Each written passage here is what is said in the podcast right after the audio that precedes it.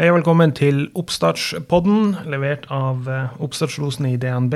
Mats Andersen heter jeg, og med meg har jeg Erik Larsen. Nå er det vel teknisk sett sånn at du ikke er oppstartslos lenger. Du ble, eh, det kom et annet forretningsområde og haia deg til seg, som ofte skjer med losene våre. Men så klarer jo ikke jeg å holde meg unna oppstartslos allikevel. Heldigvis. Så sånn sett så, så har jeg mye med oppstartslos å gjøre. Ja. Nok er egentlig sagt om den saken, for vi har noe viktigere vi skal prate om i dag. Ja. Og det er patent. Vi har jo vært så heldige å ha to personer fra Patentstyret med oss. Eh, Vi prater om design, vi prater om varemerkebeskyttelse, og i dag skal vi prate om patent. Det er jo naturlig når vi prater så mye med Patentstyret at vi kom til det til slutt. Eh, Og da har vi med oss en ny og kunnskapsrik person. Har du lyst til å introdusere oss sjøl? Ja, det er Bjørn Tistammer. Ja, veldig bra. Velkommen hit. Takk. Um, vi skal prate om patent, og det naturlige stedet å begynne der er jo hva er et patent? Ja, Patent er jo en enerett på en funksjonell beskrivelse av et produkt. Sånn at det går på den tekniske løsningen, ikke på utseendet og ikke på eh, og varemerket som du har vært inne på før, men det går på den tekniske løsningen. Mm. Så man tenker ofte på oppfinnelser når det kommer til patenter. En litt sånn Petter Smart som har funnet opp noe fryktelig smart i, garasjen sin. Det, det er så nøvelig riktig? Vi snakker altså om en, du har funnet en teknisk løsning på et problem. Ja, det er korrekt. Så det er jo eh, Den tekniske løsningen kan jo være alt fra bindersen, som sier, til en stor oljeplattform eller et skip. Eh, Så spennvidden er stor. Men det er, og det er også medisiner. Det er ofte det man glemmer. Altså pulver, væskeform også. Mm. Ikke bare fysiske gjenstander. Mm. Som, som, altså, du får jo tabletter, altså den medisinske biten er også med i dette. Ja. Og når du har fått et patent, så har du da en, en enerett til denne løsninga di. Ja, det har du. Og Det er vel ikke uendelig, denne eneretten? Nei, den er tidsbegrenset, eh, og den er også regionsbestemt. Så hvis du søker patent i Norge, så har du en enerett i Norge, ikke i andre land. Eh, Varigheten den er på inntil 20 år. Men eh, gjennomsnittlig levetid faktisk på patenter er ikke mer enn 8-9 år grunnet eksterne eh, faktorer. Altså markedet forsvinner, eh, firmaene går konkurs, de, inntjeningen er ikke så god, så de fristiller, betaler ikke årsavgifter osv. Ok, Det er et interessant eh, fenomen. Sånn at Hvis det dukker opp, for eksempel, hvis jeg har et patent og så tjener jeg greit på det i noen år, og så dukker det opp substitutter for eksempel, som løser samme problem på en litt annen måte, så jeg ikke tjener penger på det, så gidder jeg rett og slett ikke opprettholde det patentet. Ja, det kan jo være en årsak, men det kan også være at markedet rett og slett faller ut. Altså Du har et produkt som er interessant, eh, og det har en levetid. Mm. Og når den levetiden er slutt, så faller markedet. Da, da hjelper det ikke om du har et patent eller enerett. Mm. Eh, Men eh, noen prøver å selge det, så det varierer. Noen går jo full ti, altså hele tiden. Typisk område for det er jo medisiner. De eh, faktisk har en mulighet til å ha utvidet inntil fem år på medisiner pga. at det er en testperiode på fem til syv år. Så de har fått en, kan søke om en tilleggsperiode på inntil fem år. Og barnemedisin har i tillegg fått et ekstra halvt år nå nylig. Mm. Um, hvis vi tar et steg tilbake og begynner med å prate om eh, de fordelene som finnes ved å få et, et patent. Så Man har jo da det, det opplagte, som er at du får enerett på produksjon og kommersialisering. Ja, altså dette gjelder jo alle, eh, alt relatert til et produkt. Salg, import, eh, markedsføring. Eh, og, sånn du, og, og selvfølgelig enerett for å selge produktet, selvfølgelig. Salg. Sånn at du får et monopol i den regionen du har en enerett. Mm. Og Hvis du spør han Peter Thiel og sikkert veldig mange andre, så det er ingenting som er bedre enn å ha et monopol. Ja, det er, eh, vi ser mer og mer nå at eh, hvis vi ser på statistikk, så viser det seg at eh, over 50% av det som, de som søker patent, gjør det for å sikre egne verdier innad i bedriften. Eh, Ca. en tredjedel eh, bruker det for å blokkere, eh, blokke- Unnskyld, en fjerdedel eh, bruker det for å blokkere. Og den siste fjerdedelen det er lisensiering. Altså deler det med andre. Så trenden nå er ikke det å blokkere andre nødvendigvis, men å lage standarder og samarbeid med andre aktører i markedet. Mm. Var det større før, det å blokkere andre ut av markedet? Den andelen eh, var nok noe større, men eh, det, ikke, det har, har, nok vært i mange år så er det den, det å ha også sikre ener, egne, egen kjerneteknologi mm. eh, mest mulig. Så den største, brorparten, altså over 50% har hele tiden gjort det for å sikre egne verdier, ikke for å blokkere andre som utgangspunkt. Mm. Når du sier innad i bedriften, betyr det type eh, hvis man ikke skaffer seg et patent, så øker det risikoen f.eks. For, for at eh, betrodde ansatte eh, slutter å starte opp for seg sjøl og tar med seg enkelte av de teknikkene eller de immaterielle rettighetene. Ja, det kan også være en problemstilling, men eh, det er mer det at å synliggjøre hva som er det essensielle for bedriften. Altså hva er det bedriften jobber med? Hva er det vi setter fokus på? Eh, og sånn at det er eh, også for de ansatte å vite ok, hva er det som er viktig for oss. Finner jeg opp noe i, samme bane, kanskje jeg bør si fra. Få dette eh, også, få en enerett på det, sånn at man lager det vi kaller en patentportefølje. Mm. Og det vil jo være en stor fordel overfor eh, la oss si, investorer, overfor bank, samarbeidspartnere, å kunne dokumentere at uh, det her er en innovativ og nyskapende bedrift og at vi har verdier i form av patenter. At det kan øke verdsettelsen av bedriften. Ja, definitivt. Altså, nå er det jo blitt mer og mer viktig eh, i de senere år det å synliggjøre immaterielle rettigheter i bedrifter. Mm. Det er fortsatt dårlig altså Hvis du går i en regnskap til bedriftene, så er det alltid veldig dårlig beskrevet, selv om bedriftene har eneretter. Eh, men det begynner å bedre seg. Det viser seg jo at ofte så kan enerettene være store eh, verdimessig. Eh, når man ser på altså boet, hvis det skal gjøres opp, eller ved fusjoner osv. Så sånn at en enerett, uansett hvilken type varemerke, design eller patent, har, kan ha til dels store verdier for et selskap. Mm. Har, du nevnte det med lisensavtaler, og, og det hender seg jo at vi får eh, de her før nevnte Petter Smartene. Altså folk som har sittet i garasjen eller på kjøkkenbordet og funnet opp noe fryktelig smart. De ønsker ikke å kommersialisere det sjøl. Eh, de liker kanskje den kreative prosessen mer enn den kommersielle. Og da ser de jo på å selge ideen, eller, eller i det tilfellet her selge den konkrete løsninga, eller lisensiere den ut. Da vil det jo være avgjørende at du faktisk får deg et patent. Ja, altså En lisens er jo basert på at du har en enerett i utgangspunktet. Eh, noen selger hele eneretten. Eh, altså De finner den opp, så får de en engangsbeløp.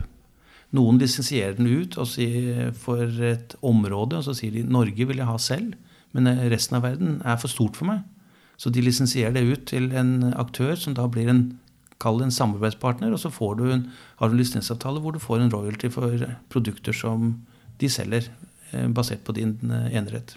Mm. Sånn at det er mange forskjellige varianter på dette. og Sånn at lisensiering er én type. Eh, altså at du har en royalty. Og det gjerne, går gjerne ikke gjennom oss, men det går gjennom advokatbransjen. Det, mm.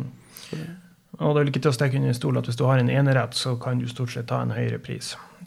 Helt klart. Og så er det selvfølgelig, skal man gå ut og få og prøve å selge det, så er det klart at du må ha noe som sikrer deg at ikke de tar ideen fra deg. Mm. Og da er det om du har en patent, eller et patent, eller om du har søkt, det er vesentlig. Altså, du må ikke nødvendigvis ha patent i hånden, men gjerne en positiv tilbakemelding som sier noe om det er andre som har tenkt på det samme, eller ikke. Slik at uh, før man går i forhandling om mulig salg, så bør dere i hvert fall ha levert en søknad som et minimum. Ikke gå inn i idéfasen og selge det, og noen kan ta det. Mm. Hvor godt beskytta er du av et patent med en teknisk løsning? Nå er det vel sånn at eh, selve holdt jeg på å si, blueprintet, altså den tekniske løsninga, blir jo der vist eller offentliggjort når du har fått et patent. Og det å på en måte gjøre avarter på det, ditt opprinnelige patent da, for å komme med løsninger som kanskje løser det samme problemet eller behovet, det oppstår vel også? Ja, også et patent. Eh, jeg sier enerett. Noen kommer til å si en beskyttelse. Det mm. eneste tidspunktet hvor vi hjelper søker, det er det tidspunktet hvor vi gransker, altså i tidligfasen. Når patentet blir meddelt, så er det opp til søker å opprettholde den eneretten og hevde den for andre aktører i markedet. Eh, du vil aldri vite hvor sterkt det patentet eller den eneretten er før du havner i retten. Eh, tingretten er jo ofte den instansen som brukes her i, i Norge i, i første instans da, i forhold til en tvistesak. Men det er klart at eh, med et, en enerett så kan du gå rettens vei og få dem stoppet. Eh, men uten det så har du da er det jo veldig, veldig mye mer usikkert hvordan det er. Du har selvfølgelig markedsføringsloven, som kan komme til hjelp, men den er veldig mer ullen. Og det er ikke nødvendigvis at du får medhold. Du må passe på eneretten din sjøl. Det må du. Mm. Så det er, det er derfor jeg sier en enerett, og ikke, du får ikke en beskyttelse. Det tror jeg er viktig oppklaring. sånn sett. At man er klar over. At det er noe du må faktisk selv eh, hevde å, å passe på hvis andre bruker det, og du sitter på eneretten selv, men at det ikke er noen beskyttelse som sådan fra Ja. Patentstyret eller gjennom patentene. Ja, nei, det er riktig. Sånn at uh, det er, eh, det er en mangelvare hos enkelte. De sier nå har jeg fått en patent, jeg har fått en enerett. Da er jeg sikker. Men eh, hvis du ikke passer på, så er du, kan det være noen som går under radaren og misbruker din, din kunnskap og din enerett i, til egen vinnings... Mm, så man må være våken, rett og slett. Ja. Men hvorom, allting, hvorom allting er, så har du patent, så er du i hvert fall bedre beskytta enn hvis du ikke har det. Ja, definitivt. Ja, så, så fremt du ikke er en, en type eh, Jonas Salk som eh, ikke tok patent på poliovaksiner fordi han ville at den skulle være så tilgjengelig som mulig. Så fremt du ikke er en velgjører for menneskeheten, så hvis du tenker business, så er det kanskje en god idé hvis du har en patenterbar løsning å få patent på den. Ja, det er det. Men det er jo mange altså Hvis du ser på IT-bransjen f.eks., så er ikke de for eh, patentering, eh, ganske mange. Eh, fordi turnover, altså endringene, går så raskt. Slik at de vil heller Det tar opptil to år, to og et halvt år, før man får patent i Norge.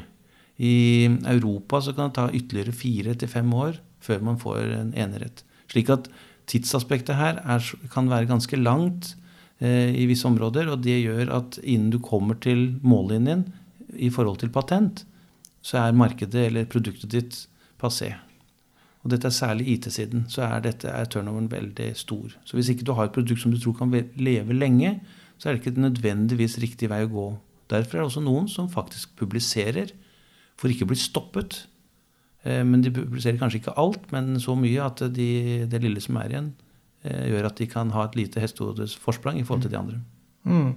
Det er jo en veldig interessant strategi der. I en bransje der det går veldig fort, veldig store endringer, at de da velger å publisere det de har funnet på, sånn at ingen andre kan komme og patentere det for å legge kjepper i veien for dem. Ja, Det blir litt som det eksempelet du viste. Du åpner for at andre kan ta i bruk din teknologi, Mm. samtidig som du da eh, kanskje har et lite forsprang som du da ønsker å opprettholde. Og utnytte så lenge som mulig, inntil det blir en jevn kamp. Mm. I forhold til verdiene som ligger i å ha et, et et patent Vi prata litt om i forhold til samarbeidspartnere, investorer, lisensiering og den slags. Du hører blant om det å pantsette et patent. Ja. Hva det innebærer. Altså, Pantsette et patent er jo et, eh, en mulighet som blitt eh, åpnet, jeg tror det var sommeren eh, 2015, eh, hvor dette blir introdusert. Eh, og det er jo for å gi kapitalinnskudd til gründere. Akkurat verdivurderingen er alltid vanskelig. Eh, Hvis du ikke har solgt noen produkter, så har du jo egentlig bare vyer, og da må du se på tilsvarende produkter. Så det er et problem. Altså Verdisetningen av en enerett, særlig patent, det er, du har ikke fasiten før du er i mål. Eh, Dvs. Si når patentet da blir avsluttet. Eh, Men du har jo en del eh, metoder, men da er det helst at du har vært i markedet, eller du har ganske like produkter. Så hvis du har videreutviklet et produkt, så kan du se på hvordan de produktene er i markedet, og bruke det som et utgangspunkt i forhold til da verdisetting. Men det, det er alltid vanskelig. Det er, alle vil ha dette svaret, men det er, en, det er ikke så lett jobb. Nei. Um, hvis vi prater litt mer om eh, de kravene som stilles for å få et patent. Ja. Da er det noen, noen mantraer som går igjen hos dere. Det skal være nytt, nyskapende og nyttig. Veldig catchy og fin, akkurat den. Hva det betyr at en, en oppfinnelse må være ny? Jo, altså Det er det jo mange som ikke er klar over. Eh, altså omfanget av nyhetskravet. Eh, nyhetskravet er globalt, og det er fra tidenes morgen. Det vil si eh, at eh, Hvis noen andre har tenkt på det, og de har publisert det et eller annet sted i verden, så er nyhetskravet til din oppfinnelse godt. Dvs. Si at du får ikke patent på det. Så man kan ikke få patent på noe som noen har tenkt på fra gammelt av. Eh, vi ser på områder som f.eks. grønn teknologi og da typisk som bølgekraftverk. Så er det mye mothold som kommer fra 1890 til 1900. Og eh, det er, så det er en eh, del som har tenkt på ting før. Man hadde generatorer, man hadde bølgekraft. Så det, det, folk har tenkt på det den gangen også, men teknologien har utviklet seg så ting er litt mer effektivt i dag. Men eh, vi ser at det er fra tidenes morgen, og det glemmer mange. Mm. Og det er heller ikke noe å si hvor det er en. Sånn at det, om det har vært i Australia, Amerika eller Himalaya-posten har en artikkel, det betyr ingenting. Hvis den først har blitt publisert, og vi finner det, og det omtaler det samme som du eller det søker har innlevert, så er nyhetskravet eh, eh godt. Da. da, mm. da du sier at det har blitt tenkt på før, men altså det må da ha blitt publisert. Ja. Ikke sant, det er det du sier. Ja, det må være publisert. Det er ikke nok at det altså, Men holder, det, holder det at du kan søke det opp på Google og du finner noe om det? Det er uh, scopet av Hvor som helst. altså I dag så er jo Internett en stor informasjonskilde. Mm. Eh, men eh, vi har selvfølgelig store databaser eh, som vi søker i, mm. som er offentlige, men de er ikke like lett tilgjengelig å søke i for mannen i gata. Slik at vi har jo dyre og kraftige søkemotorer til å søke. Og vi snakker da om 90 millioner patenter, tekniske dokumenter, og 100 millioner ikke-patentlitteratur, altså typisk fra universiteter og forskningssentre. Så det er mye dokumenter. Dere har jo en, en, pekefinger som dere er mye fremme med, med, med, god grunn, om at mange gjør en tabbe her. At de prater litt for høyt og litt for mye. Uh, at de sånn uforvarende fordi de ikke vet bedre, ender opp med å faktisk offentliggjøre uh, hva det er de har funnet på, uten å helt være klar over det sjøl. Hva, hva, er det som vil innebære en offentliggjøring av nyskapningen din som vil komme i veien for et patent? Altså, vi har vært inne på å mm. skrive om det på internett. Vil det være snakk om det overfor en forsamling med potensielle investorer? Så hvor går de her grensene? Du kan si at uh, utgangspunktet så er det en, off, en, hvilken som helst offentliggjøring. Altså På det mest ekstreme, så hvis du legger en brosjyre i en resepsjon hvor uh, publikum har tilgang, så er det faktisk en offentliggjøring. Eller et mulig offentliggjøringspunkt.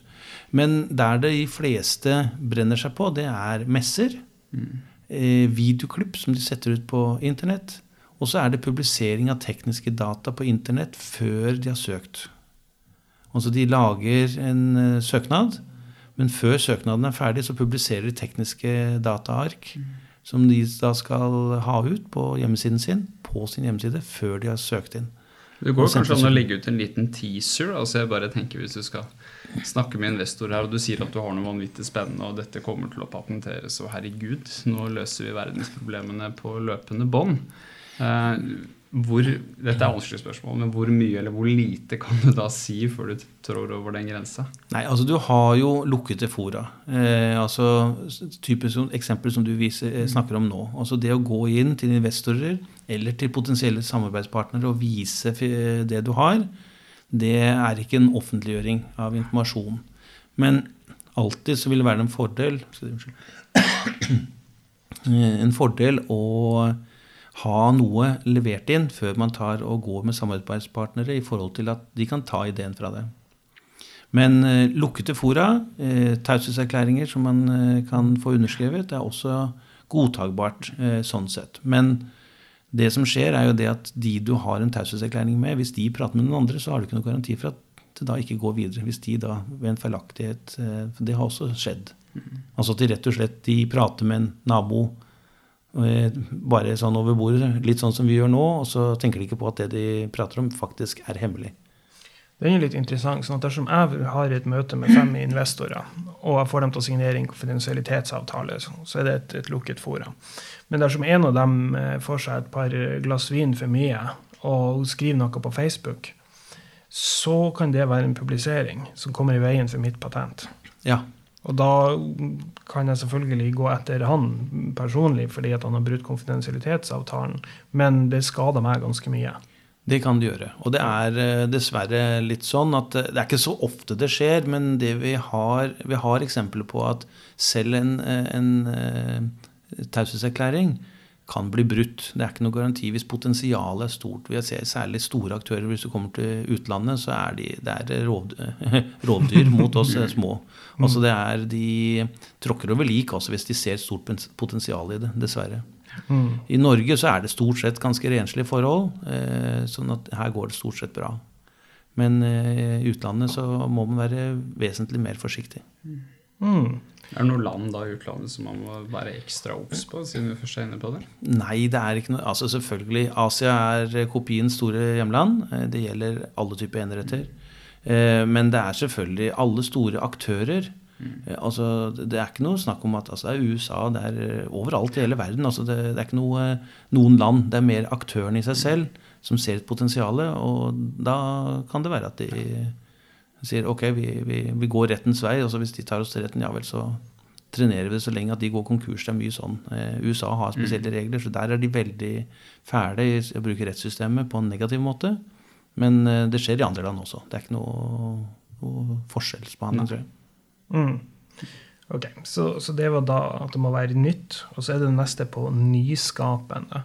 Og det tror jeg det har med at det må skille seg vesentlig fra eksisterende teknologi. Er det riktig? Ja, det er riktig. Det sier også man skal ha oppfinnerhøyde. Eh, sier man også. Mm. Eh, den eh, vurderingen er jo subjektiv. Vi, det er jo gransker som tar stilling til søknaden. Så først så gjør man et søk i de basene man har, i forhold til dokumenter som dukker opp. Og så vil man bruke de dokumentene i forhold til vurderingen av nyskapelsen. Altså hvor forskjellig er dette fra det som, altså den søknaden jeg har på bordet, hvor forskjellig er den fra de dokumentene jeg har funnet. Eh, og det er jo gransker som gjør en vurdering, men vi har eh, metoder, altså vi har en prosedyre vi skal følge for å være mest mulig objektiv. Eh, men selv det så kan jeg komme til at det er patenterbart, mens en annen med de samme dokumentene kan si at den er ikke patenterbar. Så det er litt sånn Eh, det er ikke så renskåret. Men det er, det, det er vurderingen av forskjellen. Altså hvor mye, hvor mye, nytt er det her i forhold til det som er i eksisterende teknologi. Mm. Og Det er jo alltid vanskelig på, på de tingene her, fordi man ofte opererer med standarder. Altså Innenfor sånn deformasjonslov og den slags, så opererer man gjerne med en standard som heter en, en vanlig, rasjonell, opplyst borger. Vil uh, han tenke mindre om noen pga. det her? Innenfor uh, det her med patent, så, så det at det dere prøver å vurdere, bl.a. vil en teknisk kyndig person relativt enkelt kunne komme til samme konklusjon som det? Det er jo det man skal vurdere. Og, og det man definerer, det er det vi kaller på fagspråket fagmannen.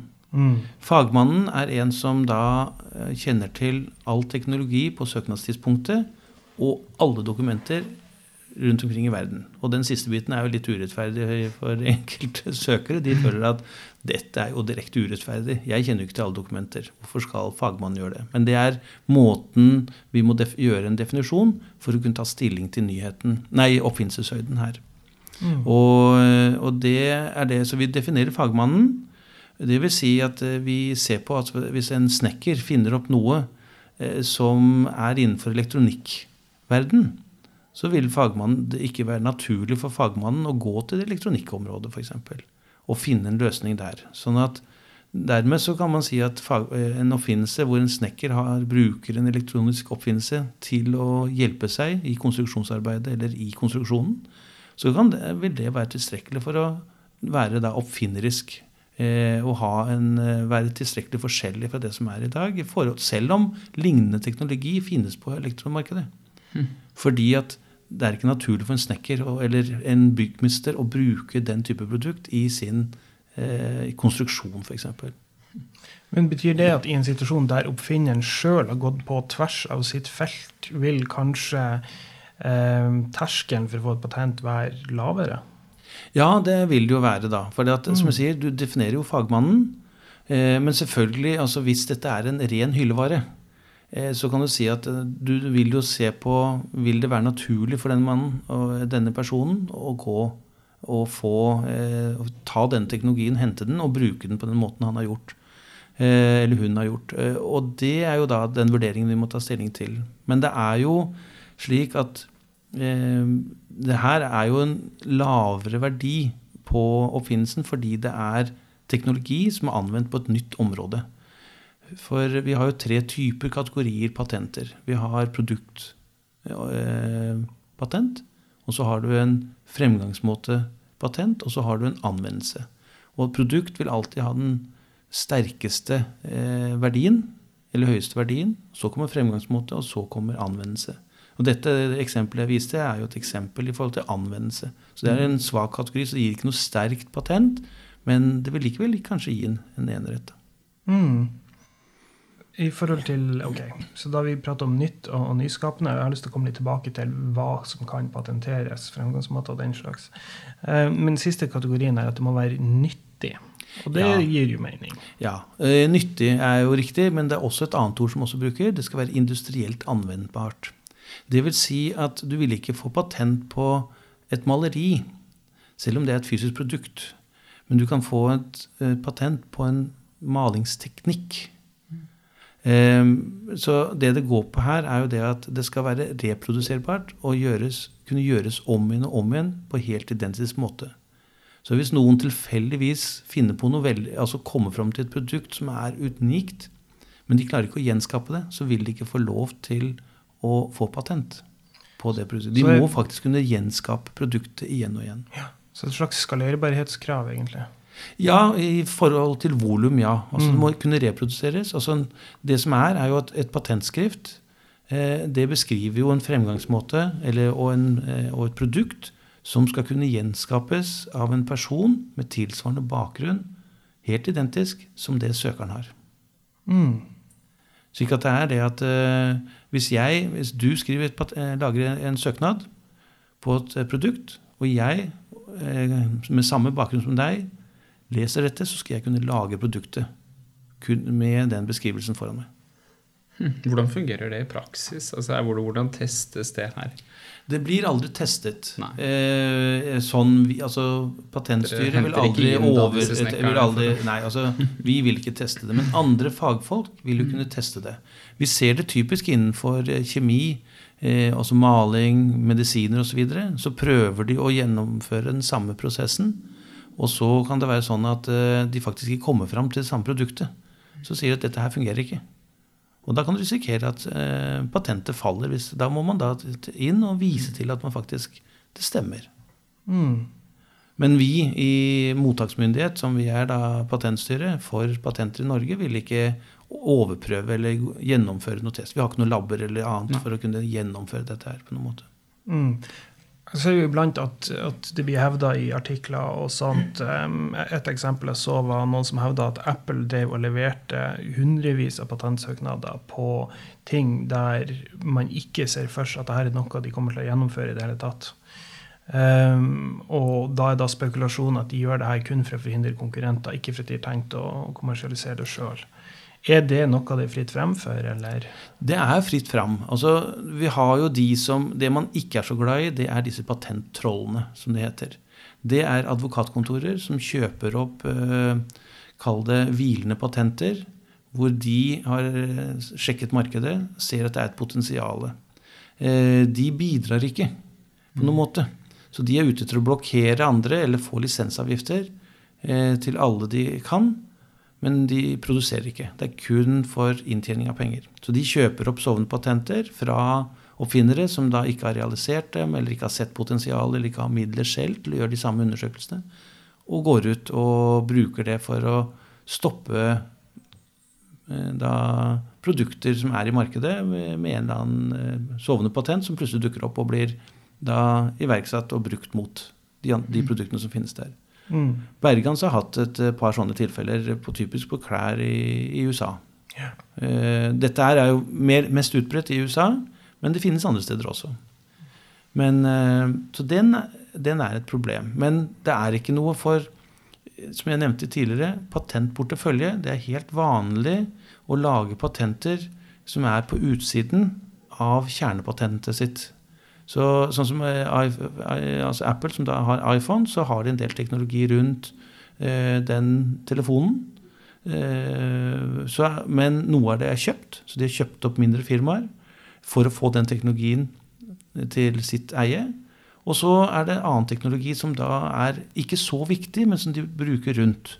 som da, eh, for å få en helhetlig enerett rundt produktet. Mm.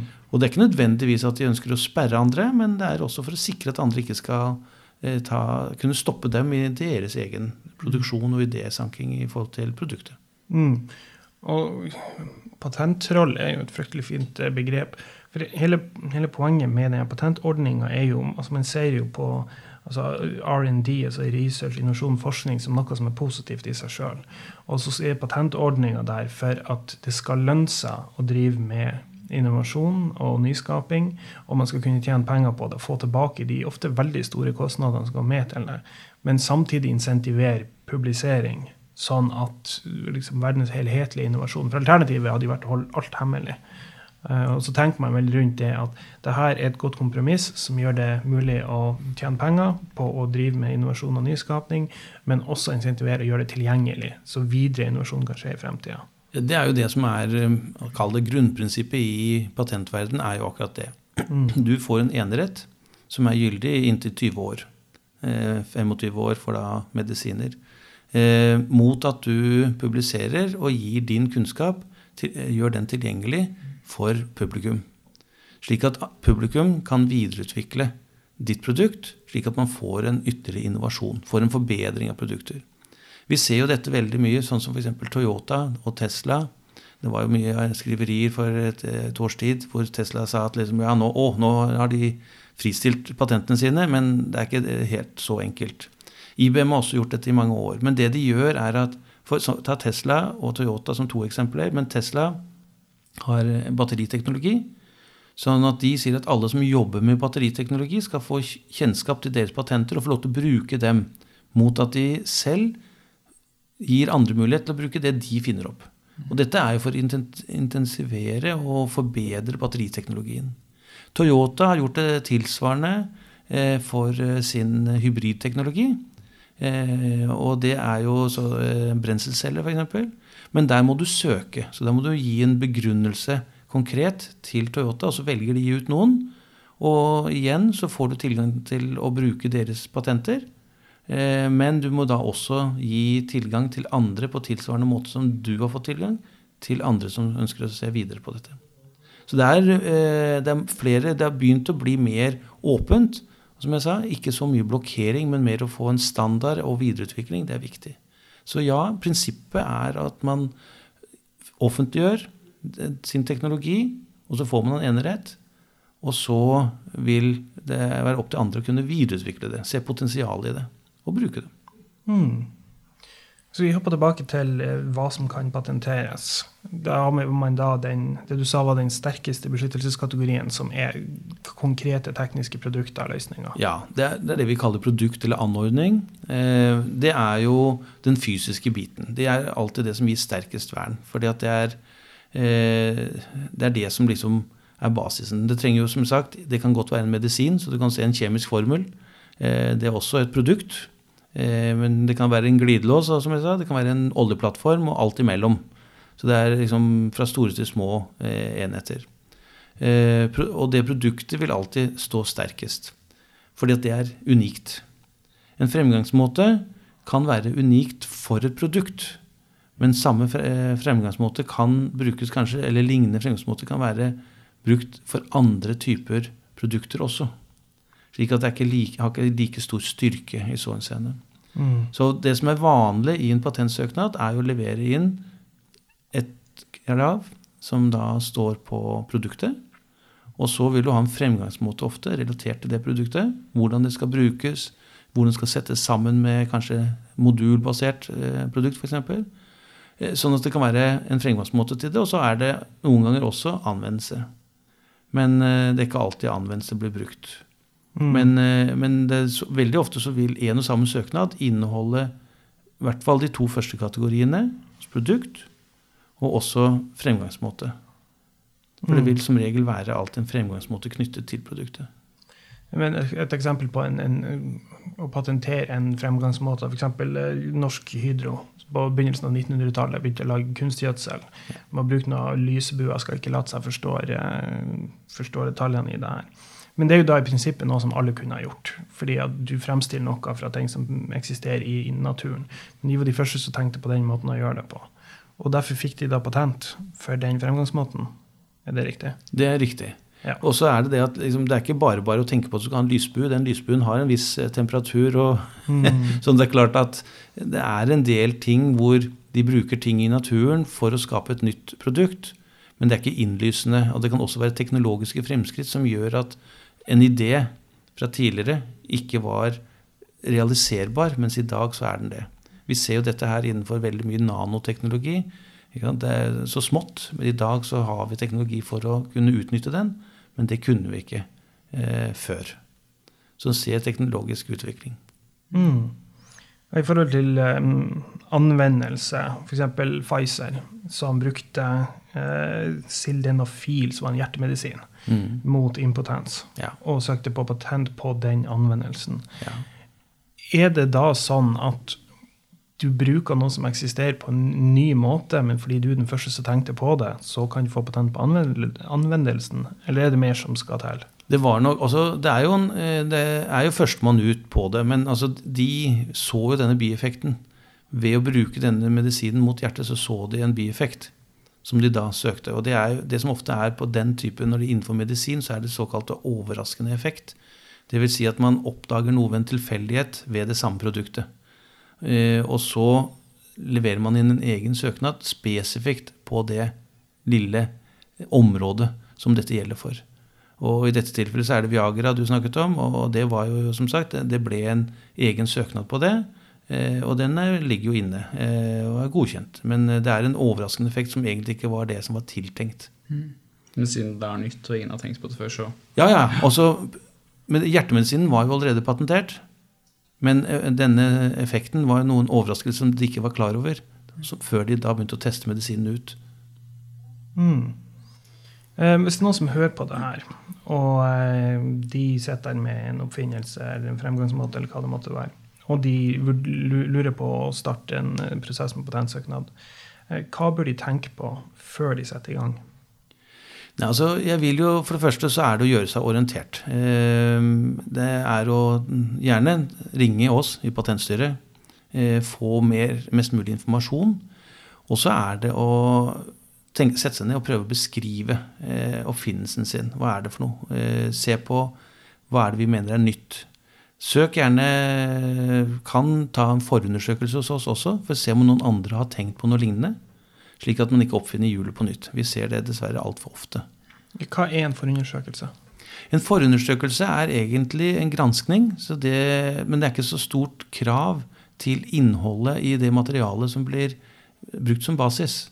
Når vi gransker en patentsøknad, så har vi det som heter patentkrav.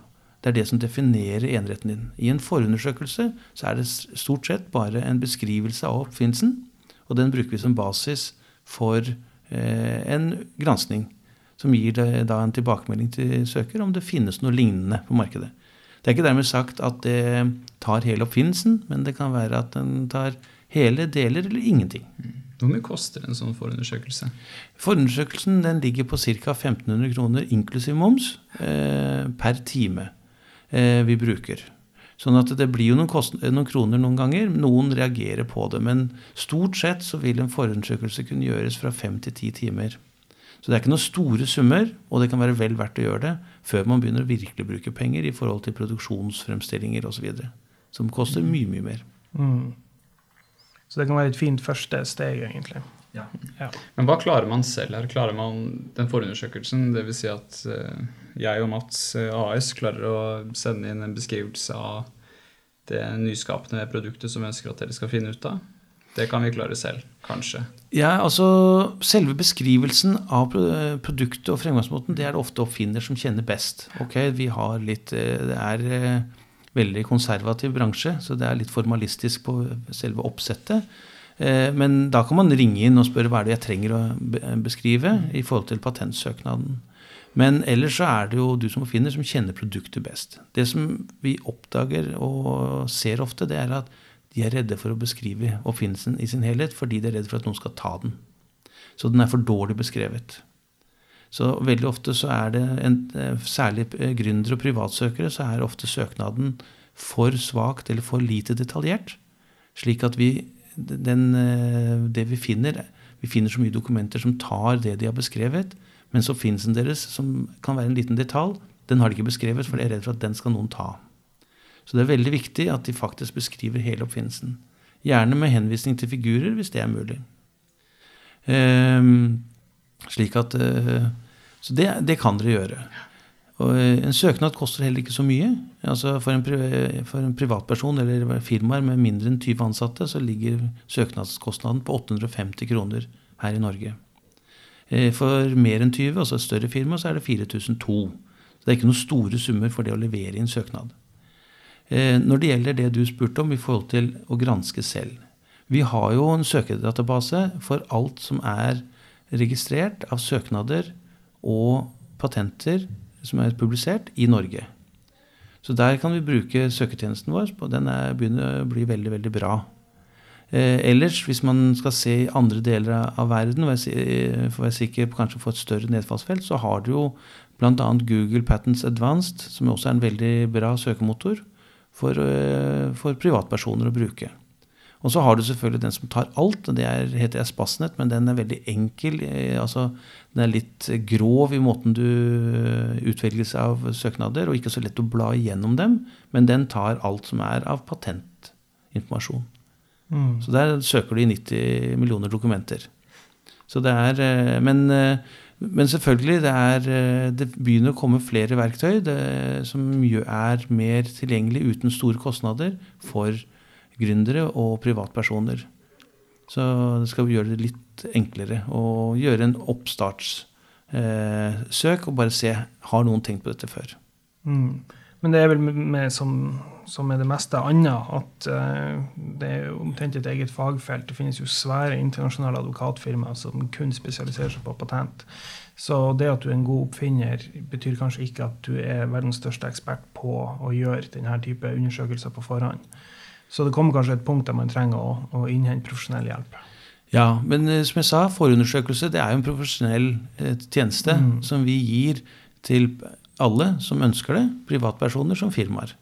Eh, når det gjelder profesjonell hjelp, så vil jeg jo si at det er jo lurt, eh, særlig i forhold til det å definere eneretten som skal ha disse patentkravene.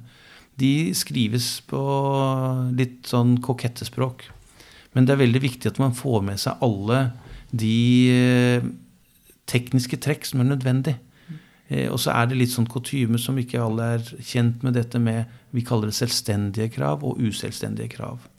Eh, hvor det selvstendige kravet står alene, mens de uselvstendige kravene de definerer da tilleggstrekk for, sammen med dette selvstendige kravet. Så de kan ikke stå alene, men sett sammen med det selvstendige kravet, så definerer de en, en ny teknisk endring da, av produktet. Mm.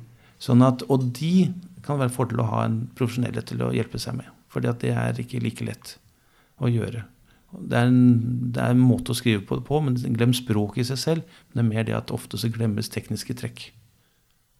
Så, og det som er spesielt med patent, ja det gjelder jo egentlig alle eneretter, det er at bordet fanger. Så det øyeblikket du har innlevert søknaden, så kan du ikke gjøre endringer eh, i søknadens beskrivelse eller figurer. Da må du levere inn en ny søknad eh, som bygger på den første, f.eks. Men uh, du kan ikke endre på noe. Når den først er levert inn, så fanger bordet. Mm. Og Det er også mange som ikke er klar over. Ja, Men patenter kan vel utfordres av andre? Når du sier utfordres Ja, altså patenter eh, Når det først blir eh, publisert, og sånn er offentlig, så kan noen utfordre patentet og si at eh, dette mener vi at ikke er patenterbart. Det er ikke nytt. Altså det er nyhetskravet det går på. Sånn at det blir eh, Det er ikke før søknaden blir offentlig tilgjengelig at man kan ut, bli utfordret på det området. Eh, og det jo, kan ta maksimalt 18 måneder. Mm. Sånn at man har en periode på 1 12 år eh, hvor søknaden er skjult for eh, publikum. Eh, og det gjelder da de første tolv månedene, som vi kaller prioritetsåret. Eh, hvis du ønsker å gå til andre land, så må du videreføre før det har gått tolv måneder. Eh, men, skal, i eh, men for den nasjonale søknaden som er levert i Norge, så er det da 18 måneder som gjelder som maksimal ventetid før den blir publisert. Mm. Men hvis jeg, har, eh, hvis jeg, ønsker å ta patent på en teknisk løsning som jeg har, og det er i en bransje der jeg vet at her er det store pengesterke aktører, um, som kanskje kan tenkes å mislike det her fordi de føler at det kommer i veien for deres videre produktutvikling, um, vil det i en sånn situasjon være mer viktig at patentsøknaden blir skrevet på en korrekt måte? Er det kanskje et argument for å i større grad bruke profesjonell hjelp? Ja, definitivt. Altså, men jeg ville si det Du kan si mange klager jo på at altså det koster så mye. Altså det å gå til et patentkontor, da, som er de eh, profesjonelle ute i markedet eh, Når det gjelder patenter, så, så, koster det jo eh, en del å få gjort det. Eh, og vi snakker der fra et sted mellom 20 000 til 50 000 for en helt vanlig søknad. Avhengig av kompleksitet og antall sider. Men det er klart at skal du inn i et marked hvor det er pengesterke aktører, så vil det også si at det er mye penger å hente. Så det er klart at det er viktig å ha en ordentlig søknad. Hvis ikke så vil du eh, få eh, motbør. Mm. Og de store vil selvfølgelig prøve å, å, hindre deg i dette. Og det er klart at de store aktørene de er jo interessert i å utvikle ting på egen hånd. Det er klart at eh, Sånn er det jo. Men det er ikke alltid de beste ideene kommer derfra. Men det kan være at hvis du først har levert inn søknad, de ser det er en god idé, ja, så kan det være de vil tilby deg en, en pris eller lisensiere. Så det er jo ikke nødvendigvis eh, at du vil fortsette som en aktør. Eh, du hadde en eh, tilfelle for to studenter i Trondheim. Leverte inn en søknad på, på en sensor for oljebransjen. Og de gjorde en, et, et, etter et par forsøk så fikk de, slo, fikk de innertier og tjente en halv million, nei, halv milliard, altså 500 millioner på den. Sammen med investorer. Sånn at det er noen sånne stjerneeksempler på at det går an. Eh, og det er klart at går de inn i oljebransjen f.eks., så er det jo klart at aktørene de opererer med store penger. Men de er villige også til å betale for gode ideer. Slik at eh, hvis du først kommer inn, så er jo spørsmålet skal jeg ha min egen bedrift, konkurrere med dem, eller skal jeg selge til dem og få pengene? Eventuelt lisensiere ut. Dette er en vurdering man må ta når man er i det området, det segmentet. For det å starte opp en egen bedrift, det er ikke så lett å bare starte opp en, en idé. Man må ha noe mer å bygge på. Så hvis man har et produkt som er en one time all high, så er det klart at det å starte en bedrift på det, ja, man får en veldig god oppstart, men man skal også klare å holde liv i bedriften over tid. Mm. Så da er det spørsmål Dette er vurderinger som en gründer eller en oppfinner må ta stilling til. Ja. Det er vel litt på sida av det du jobber med, men du har jo erfaring fra dette feltet. For det er en ting som eh, vi har en del som spør oss om. Um, for de har, har, en oppfinnelse. De ønsker i utgangspunktet ikke å produsere det sjøl. Men så er det hva er det strategisk fornuftige? å gjøre når man skal forhandle med etablerte aktører. Og da velger mange å lage en egen bedrift. For de ønsker å gi inntrykket av at hvis ikke, får, hvis ikke dere tilfredsstiller kravene jeg har, så gjør jeg det sjøl. Så de vil gjerne, og også faktisk ha den muligheten for å putte seg sjøl i en sterkere forhandlingsposisjon. Har du noen umiddelbare tanker om, dersom du ser på lisensiering som en mulighet, hva er en god fremgangsmåte der?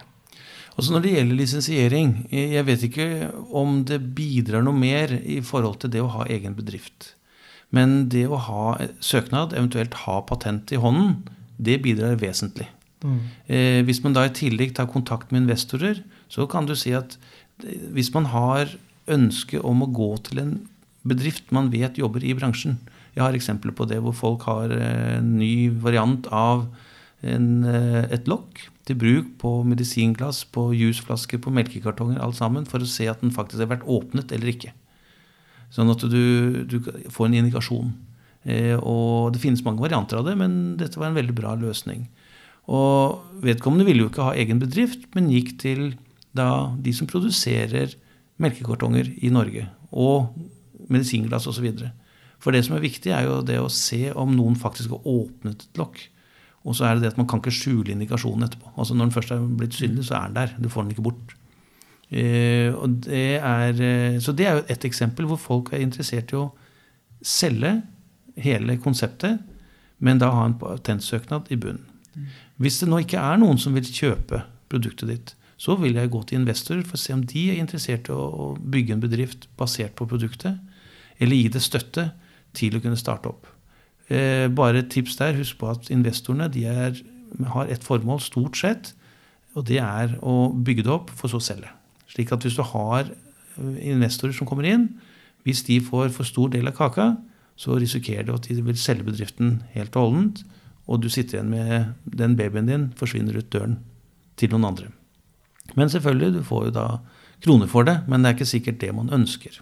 Mm. Så det er litt sånne vurderinger man må ha. Men patent Jeg vil nok sørge for at man har en enerett, har en, eh, noe som man kan slå i bord med i forhold til det når man skal selge det. Og jeg tror ikke det å ha Om du har et firma bak, eh, så tror jeg ikke det betyr så mye hvis ikke du har solgt produktet. Så du kan vise til et marked. Så hvis du viser til et marked, da snakker vi om oppkjøp. Så det blir en litt annen type eh, salg og en litt annen type kommunikasjon. For da må du ha et marked. Da må du en, etab være etablert i markedet hvis bedriften skal ha noe verdi, sånn som jeg ser det. da, Min erfaring. Mm. Hvis du ikke har bedriften, og den bare nystartet, så er det jo ikke noe mer å Jeg tror ikke du har så mye å bygge på, annet enn du har patentet, du har bedriften. Men da er det snakk om oppkjøp av bedriften eventuelt. da. Men da er det klart at hvis du har solgt, og du har noen kroner, altså beløp å forholde deg til, det blir et helt annet ballspill. Selvfølgelig. Mm. Jeg vil tro at Dersom man forventer at lisensinntjening kan bli fryktelig stor, at man da ønsker å gjøre det via et aksjeselskap. Sånn at f.eks. man kan ta ut i lønn det man ønsker i lønn, og resten av eventuelle inntekter kan man da kanalisere ned i datterselskaper som skal holde på med eiendom, eller bruke lisenspenger til å utvikle nye ideer og den slags. Ja. Det kan være noen forretningsmessige avgjørelser også som spiller inn. Jeg tenker Det er en fin måte å få vist frem produktet ditt òg, hvis du går ut og tilbyr eh, lisensiering. Sånn ja. sett og ikke kjøp gjennom et selskap. Ja da, altså det som er altså Lisensiering er veldig Det er mange forskjellige typer lisensiering. Men du har alltid Det er ett usikkerhetsmoment i forhold til lisensiering, og det er Vil de ha lisensen for å ha, bruke den, eller for å bare ha kontroll på den? Mm. Sånn at litt, Her det, må man være nøye med hvordan avtalen ble gjort. Fordi at volum eh, er klart, ikke sant? Skal du ha en royalty per solgte produkt, eller er det en, en lisens eh, i forhold til verdien, potensielle verdien av produktet. Slik at, eh, at, man betaler en årlig avgift uavhengig av antall produkter de selger, f.eks. Slik at, eh, for det man må passe seg for, er at eh, som med alle andre større bedrifter, sånn som Apple, de kjøper jo opp konkurrenter hvor ikke for nødvendigvis å bruke teknologien, men for å få færre aktører i markedet. Og det gjør også, gjøres også ved lisenser. Så det er jo da om du skal ha eksklusive lisenser eller ikke, f.eks. Så hvis det gis en eksklusiv lisens, så må du da passe på at du ikke blir tatt med buksene nede. Og så eh, har de en eksklusiv rett, men de selger ikke produktet, så produktet kommer ikke ut på markedet sånn som du hadde først håpet. Mm. Så man må litt, tenke litt gjennom sånne ting også. Men dette vet advokater mye bedre enn meg. Men mm. dette her er ting som bør vurderes da i forhold til hva er formålet med å lisensiere ut. Men det er helt klart at å lisensiere, hvis du ikke ønsker å starte opp selv, ja, det er en veldig fin måte å få en inntekt, lønn eh, altså såkalte royalties. Men da må man også ha en enerett i bunn. Du får ikke noe særlig lisens eh, basert uten en enerett. Eventuelt mm. da må det produktet være innarbeidet veldig godt i markedet, så du har en markedsføringslov som virkelig kan støtte deg bak. da. Mm. Um, et spørsmål på dampen her. Um, jeg forstår det sånn at norske bedrifter bruker patent i mindre grad enn mange i utlandet når det kommer til å beskytte de materielle rettighetene sine. Eh, hva kan være årsaken til det? Er det dårlig IPR-kompetanse, eller? Altså, jeg tror nok det er kanskje en kombinasjon. Noen av eh, Det ene er IPR-kompetansen. Eh, det andre er kostnader. Altså det, det verserer at å, dette koster millioner av kroner å få i drift. Men det gjør ikke det i Norge. Altså I Norge, Å ha en enerett i Norge er ikke dyrt. Det er når du går til utlandet, da begynner kronene å rulle. Men da ligger også potensialet i produktet også der. Sånn at det, er, det, henger sammen. Men det er helt klart at vi, vi sliter litt med at eh, IPR-kompetansen, altså det å, å, være bevisst rundt IPR, er for dårlig blant veldig mange bedrifter i Norge. Eh, og det er jo en av de mantraene vi har ute når vi er ute i, på konferanser osv. Det er få, være synlig, sørge for at folk ser mer eh, og titter litt mer på det og IPR. Og en av de tingene som er viktig, det er at uansett om du skal ha patent eller søke patent selv, så er det viktig at du faktisk gjør deg, har et bevisst forhold til det som skjer utenom. Fordi du markedet, eller den skogen som er ute La meg representere det på den måten her. Tenk dere Norge som et skogsområde. Eh, det skogsområdet har x antall trær. Hvert tre representerer en rettighet. Å kunne gå gjennom den skogen blir vanskeligere og vanskeligere. Det ene er søknadene som blir levert inn i Norge. Det er ikke mer enn 1000 søknader per år, og ca. halvparten av dem går videre og kan, blir får en patent. Men i fjor så var det 7000 patenter som valset inn direkte inn i Norge fra Europa. Fordi vi er medlem av EPO. Og den andelen har gått opp mer og mer hvert år. Og som sagt, i fjor så bikket den nesten 7000. I tillegg til det som er allerede fra norske søknader. Så det ligger en bånd på 500 fra norske søkere. Så er det disse 7000 fra eh, Europa. Og så er det også noen internasjonale søkere, såkalte PCT-søknader, som kommer inn til Norge. Sånn at den skogen den blir bare tettere og tettere og vanskelig og vanskelig å forholde seg til. Så det er veldig viktig at man faktisk går ut og finner ut er det noen som har noen rettighet eller enerett på det området som jeg nå har tenkt å gå ut, i, ut med. Altså Har noen tenkt på det samme, eller Og så noen får en idé. Å, det der, jeg skal bare selge det produktet. Men hvis det er noen som har patent i Norge, så kan de ikke selge det produktet i det hele tatt. De kan ikke engang importere det. Sånn at det er viktig å forholde seg til IPR. Eh, vi mener også at mange av bedriftene er ikke flinke nok til å søke patent. Altså de, de vurderer ideen sin som for svak til å få patent på, hvor det ikke nødvendigvis er tilfellet. Sånn at det er eh, mange som bør ta seg et tak i nakken og være flinkere til å se på hva skjer i bedriften. Eh, og sørge for at de får Hva er det som er kjerneteknologien min? Er det en sikkerhet eller ikke? Kan noen komme og ta den fra meg? Eller deler av den, så jeg får problemer? Så det er kjempeviktig. Mm. Betyr det at kanskje flere burde tenke på å, å gjøre forundersøkelser tidligere i utviklingsprosessen? Så ikke nødvendigvis vent til du sitter med din oppfinnelse eller din tekniske løsning etter at du har brukt noen hundre tusen, eller hva det måtte være. Kanskje til og med allerede på idéstadiet, når du skjønner at det her kan jeg gjennomføre. Bør jeg gjennomføre det her? Og gå rett på en forundersøkelse? Ja, også forundersøkelse bør gjøres så tidlig som mulig. Dvs. Si at du gjør det på et tidspunkt hvor du har, et, du, du har i prinsippet et konsept. Ok, produktet er ikke ferdig, eh, men du har en god idé på hva er det du ønsker å lage. Har noen tenkt på det før? Gjør det så tidlig, sånn at du får en tilbakemelding om, om dette her er en Du får tilbake en skog av eh, søknader som, og patenter som ligger der, eller om det er et dokument som viser lignende teknologi. Og med andre ord, markedet er helt åpent. Gjør det så tidlig før du investerer. Vi hadde et morsomt tilfelle her for, før jul, hvor vi hadde to gründere som kom på besøk med en idé. Ideen slo vi i hjel i løpet av fem minutter. Men vi viste dem hvordan de kunne søke på nett. Og de syntes det var veldig ålreit. Så gikk det en uke. Og så ringte de oss opp igjen og sa at tusen takk for tipset. Vi har aldri hatt det så morsomt noen gang. Det er jo masse der ute. Vi har masse, masse nye ideer vi, på videreutvikling av allerede eksisterende teknologi. Mm.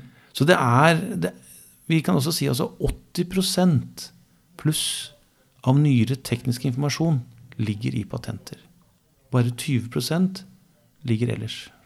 Så hvis du skal finne ut noe, også hvis du har et produkt og du lurer på noe, søk. Så er sjansene mye større for at du finner ut om det er noe der, og du slipper å oppfinne hjulet på nytt. Så det er, eh, det er mitt råd. Altså tips eh, er søk. Ta en prat med oss hvis du ikke vet hvordan du skal gjøre det. Søk på vår eller via vår hjemmeside. Eller søk på de motorene som er der ute, som er gratis, for å se hva finnes så er dere veldig ålreit til en Ståle. Det er jo bare å ringe inn. Det Ja. sitter jo veldig kompetente personer der på andre sida og Det gjør det. svarer Vi, på alt det vi har snakka om nå og mer til. ja, vi etablerte et eget kundesenter for nå halvannet år siden.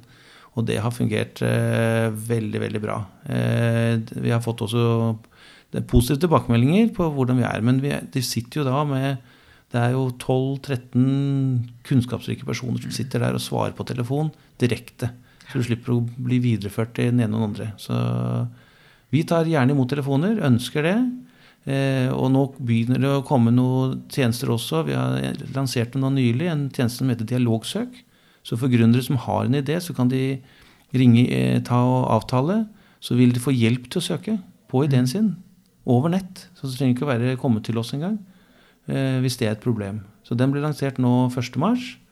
Gøy. Og det er eh, også en tjeneste til hvor vi plan, som ligger i løypa, men den er ikke helt klar ennå. Men det vil da være oppstartsmøte, da, altså at du tar det digitalt, slik at folk som bor unna, som ikke har så lett for å komme til Oslo og besøke oss, kan gjøre, avtale et møte med oss eh, og ta det over telefon eller video.